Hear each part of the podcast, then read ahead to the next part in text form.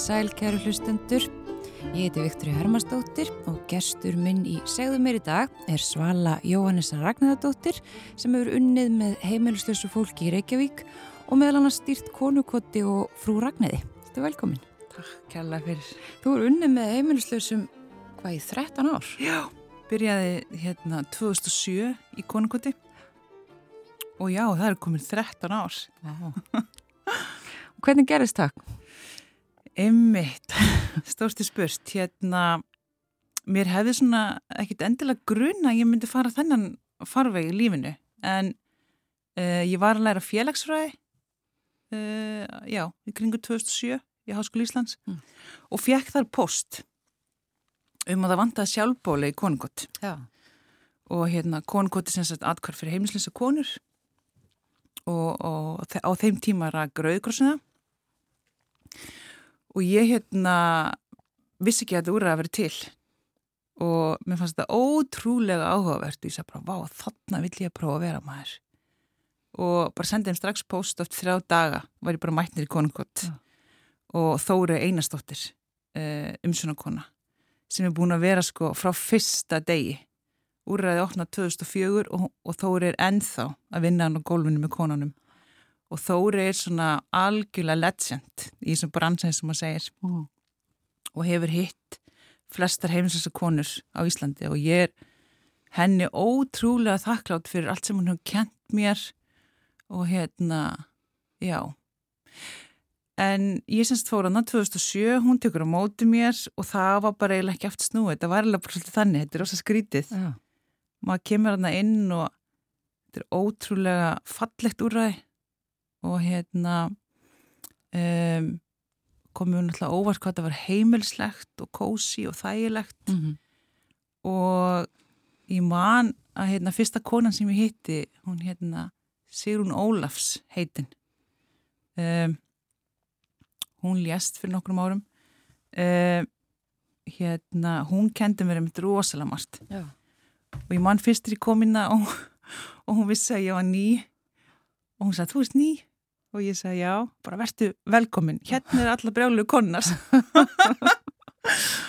og hérna og ég kannski skildi aldrei hvað að meina því að þær eru bara svo því að vera brjálar en hérna, já. En Þetta er svona heimur sem er svona flestum hulin Hann er mjög hulin og, og ég held reyndar í dag árið 2021 að þá er þetta orðið svona opnari veruleiki uh, bara því að umræðan á Íslandi hefur breyst svo mikið. Mm -hmm.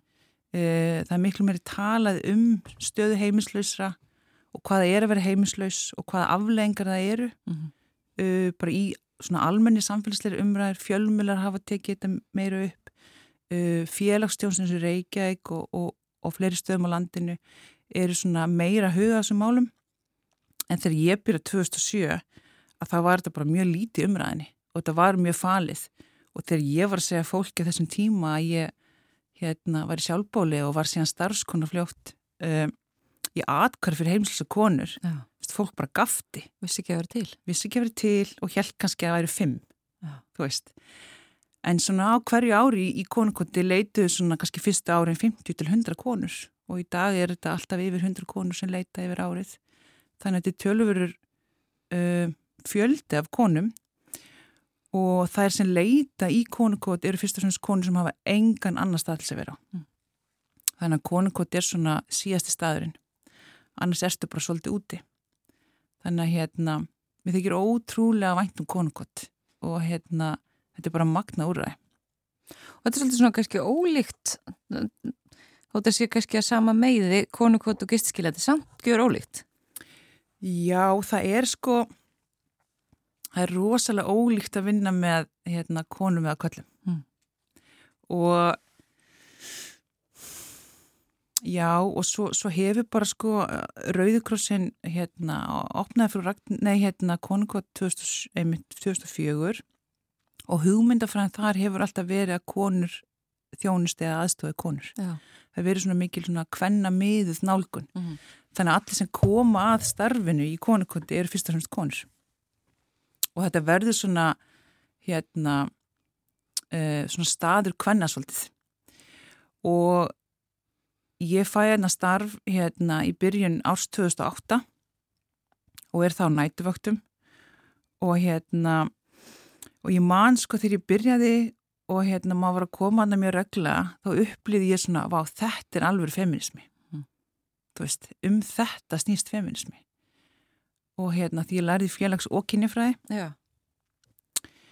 og mér fannst ég bara einhvern veginn svona rumverulega að fá að taka í hérna, taka þátt í svona alveg feminismi með að vera í konukoti og vera í samtali við uh, konuna sem voru að leita hana mm. og hérna kynast þeirra lífi og sögu og fá aðstofðar og styðja og, og mæta þeim á þeirra eigin forsendum og svona einhvern veginn skilja hvað leita þeirra á þennan stað og þannig færið svo miklu einsinn í svona samfélslega struktúra og, og, og náttúrulega gífulega áfallega að baki og alveg svona út frá þeirra sögu rögrétt mm. að þetta sé staðan. Og hérna þannig að þetta verður svona svolítið baratumál maður fer svona einhvern veginn að að sjá þetta sem málaflokk og þetta sé svolítið kerfislegt. Að við sem samfélag tökum svolítið ákveðum um, um að okkur finnist kannski þeim tíma í lægi að fólk sé heimnislist um, en það þarf ekki að vera þannig Nei. og hérna og svo náttúrulega bara þú veist við þurfum að gagast hópnum og alls konar hann að já, ég myndi segja að, að þetta var svona fyrsti alvörum feminismi sem ég fór að taka þátt í Já. og margi sem hafa verið sjálfbólega starfskonur í konungkvöndi upplega mjög svipað að svona fara á vettfang, fara að vera með veist, uh, konum og þeirra fórsendum, heyra söguna þeirra, reyna að skilja og reyna að þjónusta þær sko út, af, út frá svona jafnbrettis grundvelli. Mm. Það er ótrúlega svona fallit og kraftmikið. Og það er akkurat það sem þú talar um þetta að, að heyra söguna þeirra Já. að því allir eiga sér sína sögu mm -hmm.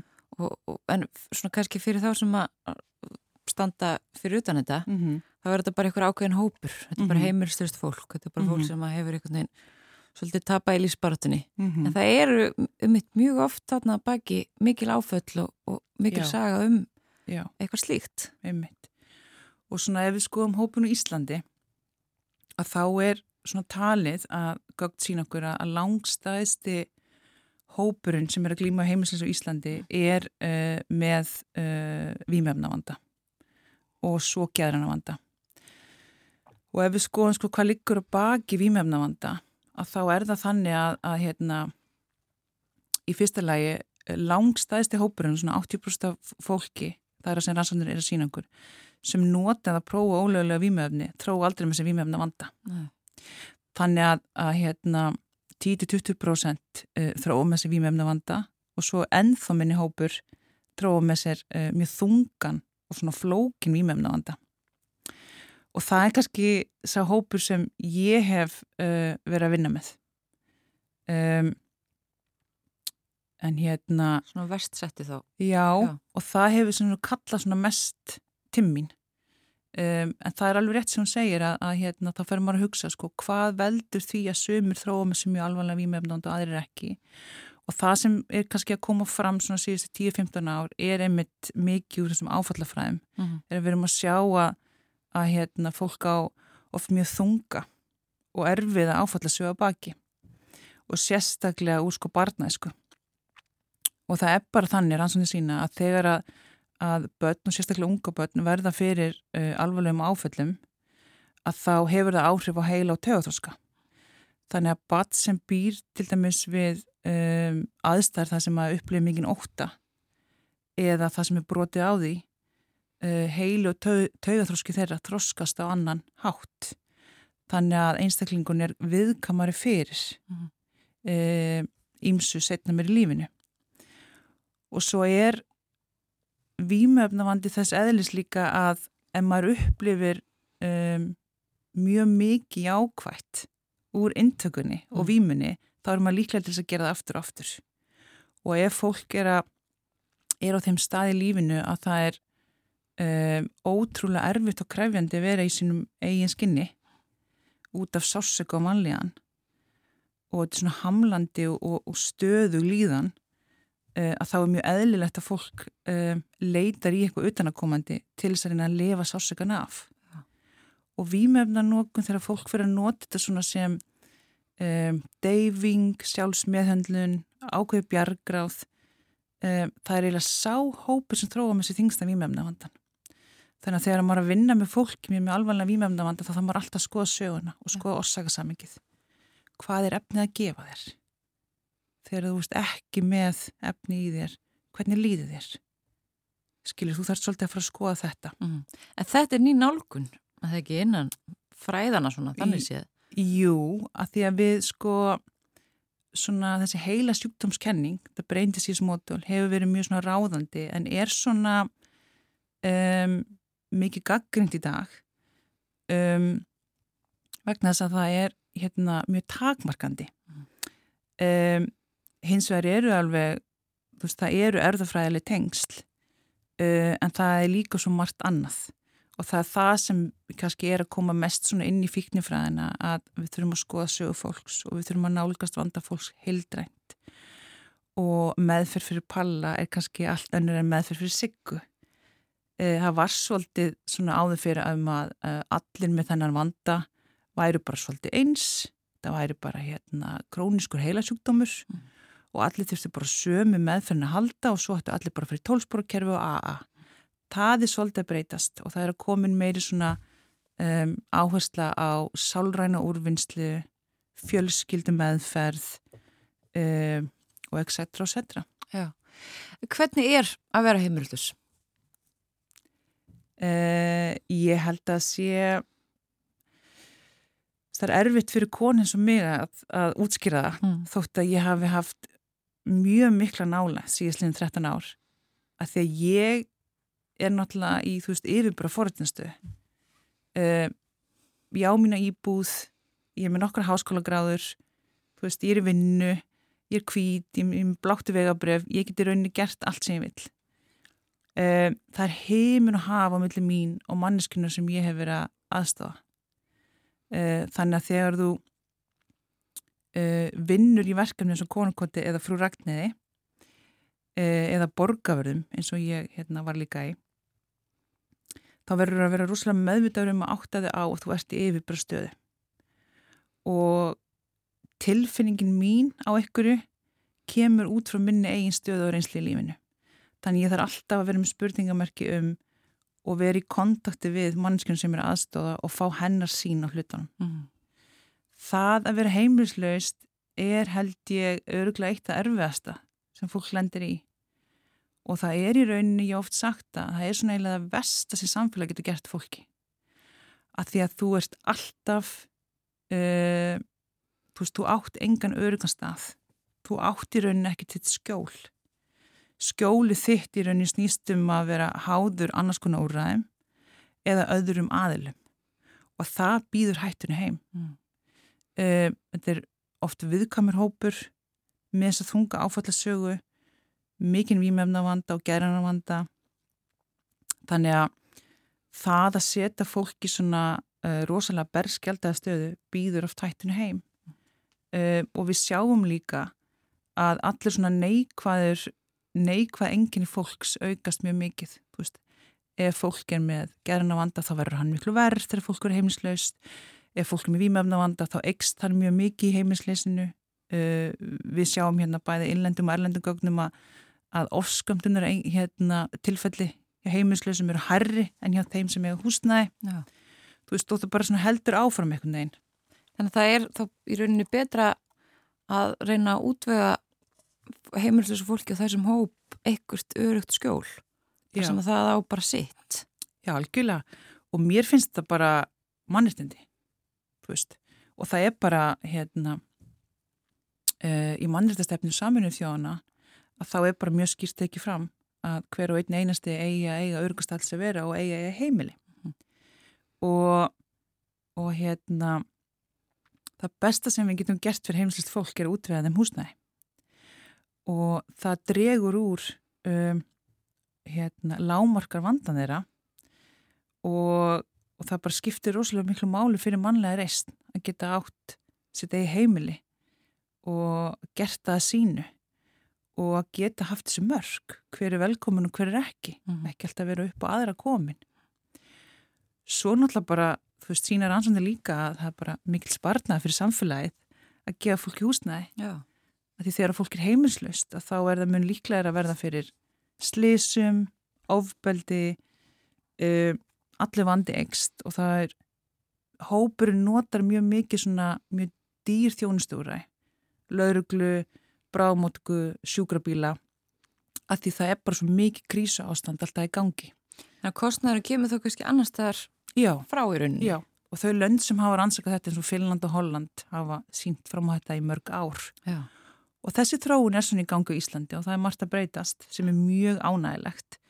Og það er sko mikill munur frá umræðinu þegar ég byrjaði 2007 í Konukoti og í dag 2021.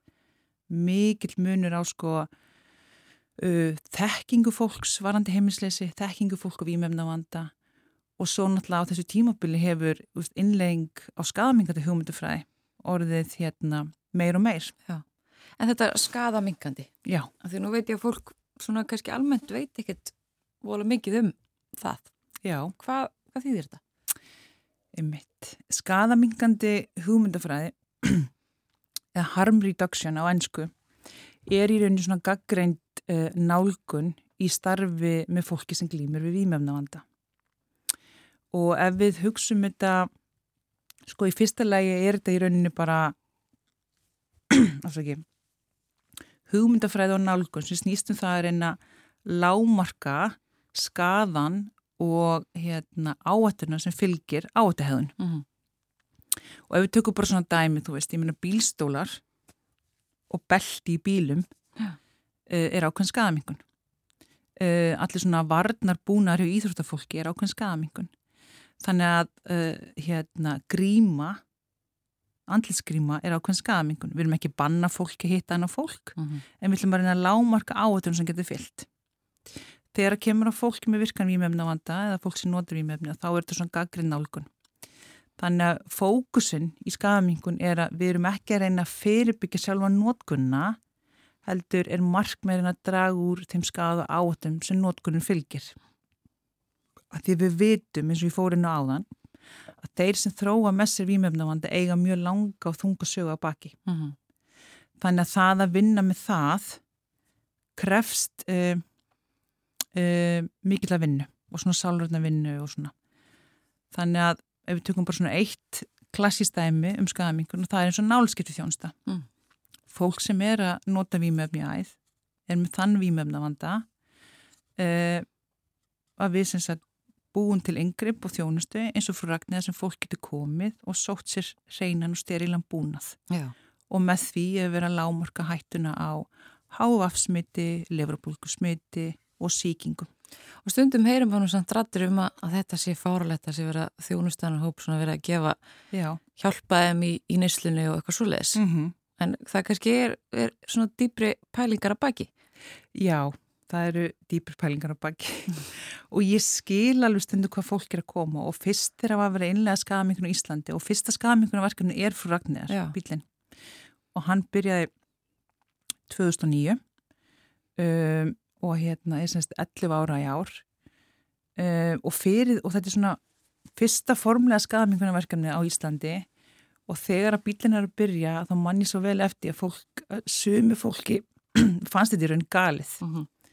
Og við erum í raun á Íslandi mjög sein að byrja þessa nálgun með þessum hóp á, á Íslandi. Mm.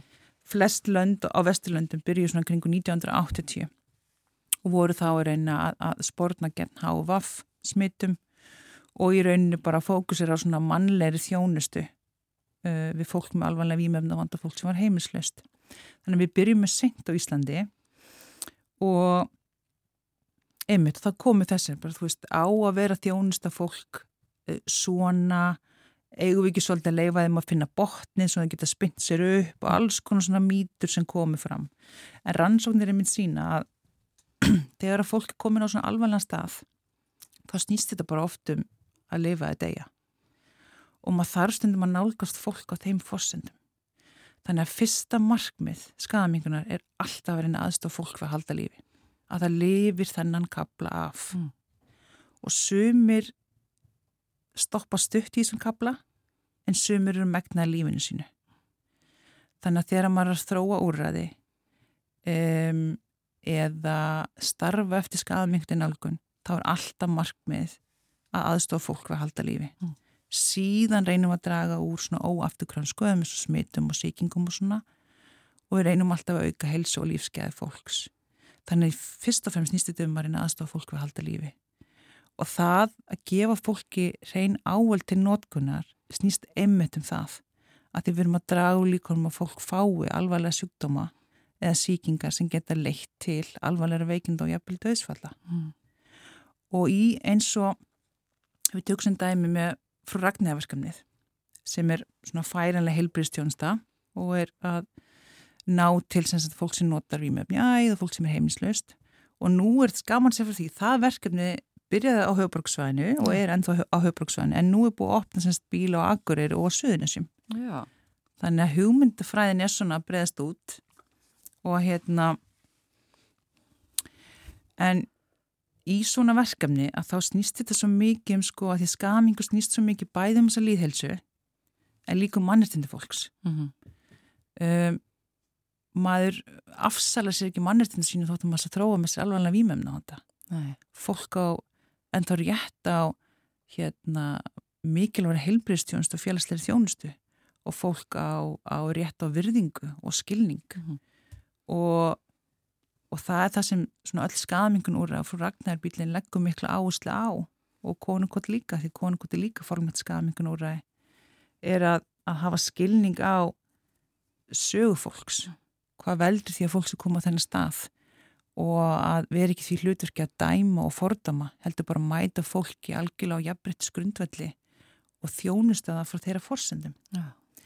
og í svona umhverju er það er alltaf verið að reyna að búið svona örugt rými fyrir hópin þannig að þegar þeirra einstaklega lappar hana inn þá bara geta verið rólegur lagt svolítið niður varnakerfi sitt rætt um þann, þá hluti sem hún er langa til Mm og það er engin krafa um að hætta eða fara í meðferð. Og það er svo frelsandi fyrir fólk að fá okkar rými sem það fær bara algjörlega að vera og vega og meta stöðinu sína. Og stundum fer það að tala um að þeim langi til þess að mögulega fara í meðferð eða, eða komast út úr þessu lífverðni eða stundum segja bara ég tristi mér enga veginn til, ég get ekki ímynda með lífi á hans að nota. Og það er bara allt í lagi því við höfum skilning á því Þannig að þetta er þá alltaf einhvern veginn á þeirra fórsöndum. Þetta er alltaf þeirra fórsendum að því að rannsóknir sína að það er það sem aðstór fólk mest. Mm -hmm. Þegar fólk var frelsi til þess að ákveða sjálft og taka skrefin þegar það er tilbúið, það skilar mestum árangri. Já. Þannig og svo er maður alltaf að reyna að vinna með þetta motivation, þess að áhuga og hvöt og reyna að draga í vonina Mm -hmm. Og, og hérna og vera bara með vera með fólki af einlægum áhuga. Þú veist, ég hef einlægan áhuga á því að heyra hvað þú hefur að segja og líðan þinn skiptir með máli. Mm -hmm. hvað get ég gert fyrir því núna? Þetta er svolítið þetta er húmanísk nálgun og skada mingur hugmyndufræði og áfalla miður nálgun er mjög svona hérna í rauninni svona uh, sami peningurum bara mismandi hliðar Já. Þannig að ef maður vinnur í skadaminguna þá veitum maður alltaf áfalla með að þjónusta því að við gerum svo grein fyrir sögunni. Mm -hmm. Já, En Svala, hvaðan kviknar þessi mikli áhugið þinn á heimilslösu fólki og, og fólki sem að glými við svona vanda? já, einmitt. Sko, uppröðunlega náttúrulega fekk ég hérna post. Mm. ég var í áskólanum. og hérna hugsaði með mér, vá, frábært maður, ég held að hvað til þessu. Og svo bara byrja svo vekkferð og, og hérna ég er einmitt í konukoti og, og hérna og er þar alveg í, í, í nokkur ár og, og stýri svo því úrræði mitt í, í tvö ár og, og hérna svo bauðs mér tækifæri á því að taka við frú Ragnæðaverkefninu 2015 Mm -hmm. og var þar í fimm ár hætti núna í september fyrra um, en svo á þetta kannski svona lengri sko sög vegna þess að um, já, þegar ég er sko bann að þá hérna uh, rak pappi minn áfangaheimili fjóluna á Akureyri Já. og með minnir á þeim tíma hafi hérna S.A.A. reykið það áfangaheimili og hann var fórstöðumæður þannig að þegar ég fór heimsækja pappa þegar ég var lítilega þá fór ég á fjóluna Já. og var þar með honum og öllum kallanum og þetta var svo frábær tími og, og ég er svo þakklátt fyrir það að hérna, hafa fengið þessa reynsli sem bann að þetta mótaði svo mikið sko við frá mín gangvart uh, mönnum sem voru aðna og ég áttaði mikið á því fyrir bara mörgum árum setna uh, hvað það hafði mikil jákað áhrif Já. á svona lífskoðanir mínar. Og til dæmis það, veist að skilja bara eðli vandans eðli sjúkdómsins um, að sjá að þessu góð menn að þessu veikir. Og svo var ég kannski að koma aftur og þá voru einhverju menn kannski farnir og þá þurfti pappi að útskýra að hann hefði veikst og svona. Mm -hmm. þannig að bara svona frá mjög ungum aldri að þú fekk ég útrúlega svona góða insýn inn í fíknavanda. Já, bara kynntist þessum mönnum. Já, Já, og var þarna á áfangaheimilinni með bara eitthvað 20 mönnum sem stjönuði mig og voru að, þú veist, að kenna mér að baka og kenna mér að teikna og mér fannst þetta náttúrulega bara, þú veist, fyrir mér var þetta bara algjörlega frábært, sko. Og mér lakaði alltaf til að fara heimsíkja pappa á fjóluna. og þetta var bara svo dýrmætt og svo fallit hús og mér þótt svo væntu pappa minn og mér þótt svo væntum alla þessa menn og það var bara einhvern veginn og þetta var svo eðlilegt. Já. Og já, ég er svo ótrúlega þakklátt fyrir að fengja hennar tíma að því að að móta svo mikið lífskoðanir mér. Kemur kannski alveg inn svona með fordómaleysi patsins Já, þetta var, þetta, var svo, þetta var bara svo eðlilegt Já. fyrir mér Já. og hérna ég átti svo auðvelt með að vera í þessum aðstæðum og ég man því að ég var að byrja sem sjálfbóliði og voru eitthvað svona fundir og fólk var svona að vega og meta ímislegt einmitt svona hræðslu eða svona vannmáta tilfinning og svona og veist, auðvitað fann maður eitthvað en ég fann einhvern veginn að þetta bara átti svo vel við mig. Já. ég var þú veist ég hef mjög sjaldan orðin rætt ég hef svona eins og tvísvar upplifa, núna gæti ég mögulega dáðsvala skilir við um, sem er líka ótrúlega finnst mér holdt að horfast í augu við. Um, að það er ótrúlega styrkur í og maður kemst yfir það og maður læri svo mikið að því En í þessum aðstæðum að vinna með þessum hóp þá hljóta ofta að koma upp aðstæðar sem eru bara frekar hættulegar. Nei, vist það nefnilega ekki. Það ekki? Nei. Nei.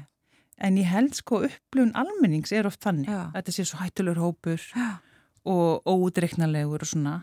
Um, en þegar maður að vinna uh, á vettfangi í skadamingun og með þessa nálgun mm -hmm. að mhm. einstaklingum að þá er það ekki, ekki þannig. Nei.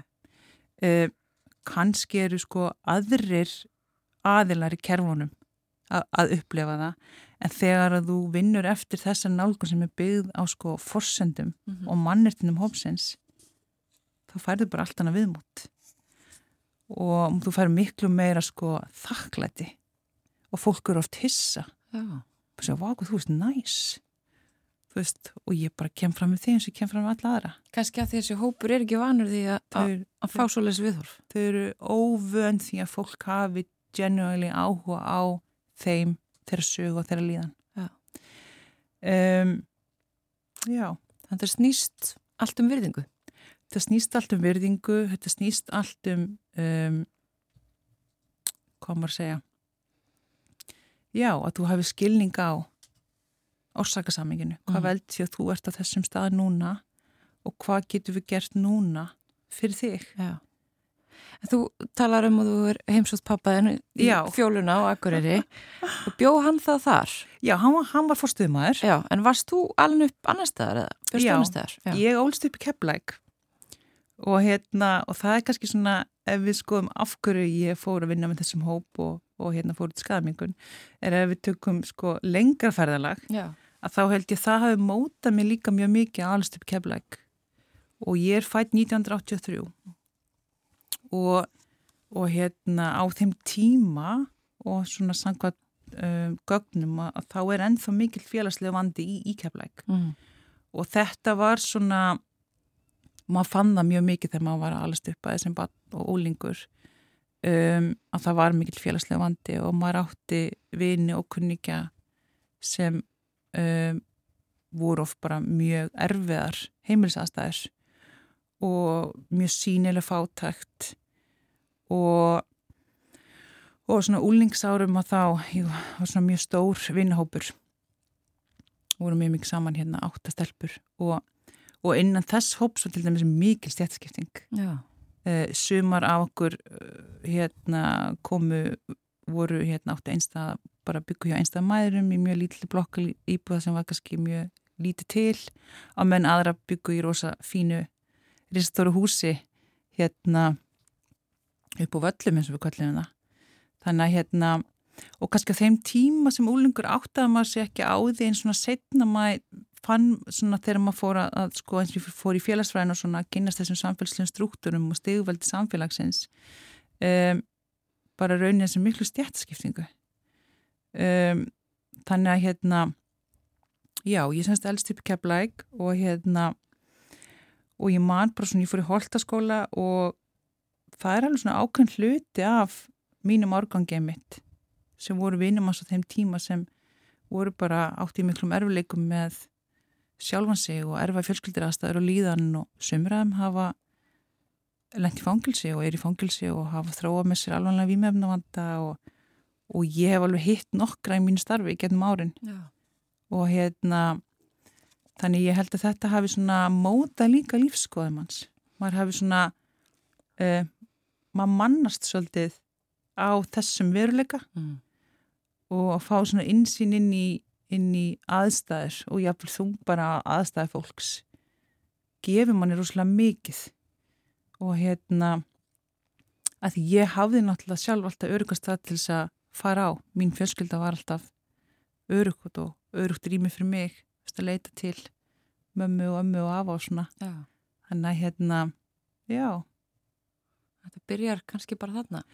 Ég held að þetta byrja þarna og mér þykir sko, mér þykir mjög vænt um keflæk um, og hérna öll fjölskylda mín alltaf býr þar, pappi býr alltaf hendur í Reykjavík núna en mér þykir mjög vænt um að hafa fengið þessa einsýn Mm. sem bann og úlingur og hérna og fengið ég mitt svolítið hérna uh, já, tækifæri á að að sjá þessu aðstæður Mm. og hérna átta mig á því að, að það er ástæða fyrir öllu og það gefur mér einmitt þá sína þegar ég hitti fólki mínu starfi í dag að hérna að ég hafi svona, svona starra sögulegt samhengi. Já. Þú ert hægt hjá frú Ragnhiði, Já. hættir í fyrra Jú, og starfar þá hvað sjálfstætt núna eitthvað? já, Já. nú er ég alveg sjálfstætt og gaman skildi minnast það að ég setti mig það markmið að þegar ég tók það ákvörðun að hætti frú Ragnhiði sem var í september í fyrra að ég ætlaði að leifa mér að vera bara í svolítinn tíma alveg sjálfstætt. Með engan yfirmann, ekkert kerfi á bakfið mig, engin félaga samtök og bara svolítið svona prófa að um, taka bara við þeim verkefnum sem kæmu og, og, hérna, og vera bara algjörlega sjálfstæð með minn tíma Mm. og fá svolítið svona að ráða hvað ég vil taka að mér og hvað ekki og bara svona fari í gegnum allt þetta svona ferli, þú veist, 13 ári sem málaflokk er hérna ótrúlega dýrmættu tími og ég er alls ekkert hætt alls ekki Mm. og er ennþá náttúrulega, þú veist, inn í málaflokknum kannski bara meira svona sjálfstætt og meira mínu forsendum Já. en uh, þannig ég hef mitt hérna, ég er hérna klára fjölskyldum með fyrir að ná mér fyrra og hefur svona þróum áfram ég að vera með, með aðstandendur í viðtölum og, og starfsfólki í, í hérna rákjöf fórstöðumönnum og verið svona svolítið mikið að kenna. Það er rosalega skemmtilegt. Þú í rauninni svolítið að miðla bara þeirri reynslu Já. sem þú ert búin að sanga þér þessi 13 ár. Já, það er eiginlega svolítið þannig. Og hefur að fara myndin inn, inn í háskólan að kenna um skadamingun og vinnum þessum hóp og, og félagstjónustuna og, og er svona núna að, hérna, að opna á það að hafa opinn námskeið Mm. uh, og svo hef ég bara nýtt tíma til þess að horfa yfir þetta tímabil og fara í gegnum svona já, ákveðna vinnu sem því hefur fyllt. Já. Svala Jóhannes Ragnæðadóttir, kæra þakki fyrir komuna í segðu mér. Takk kærlega fyrir.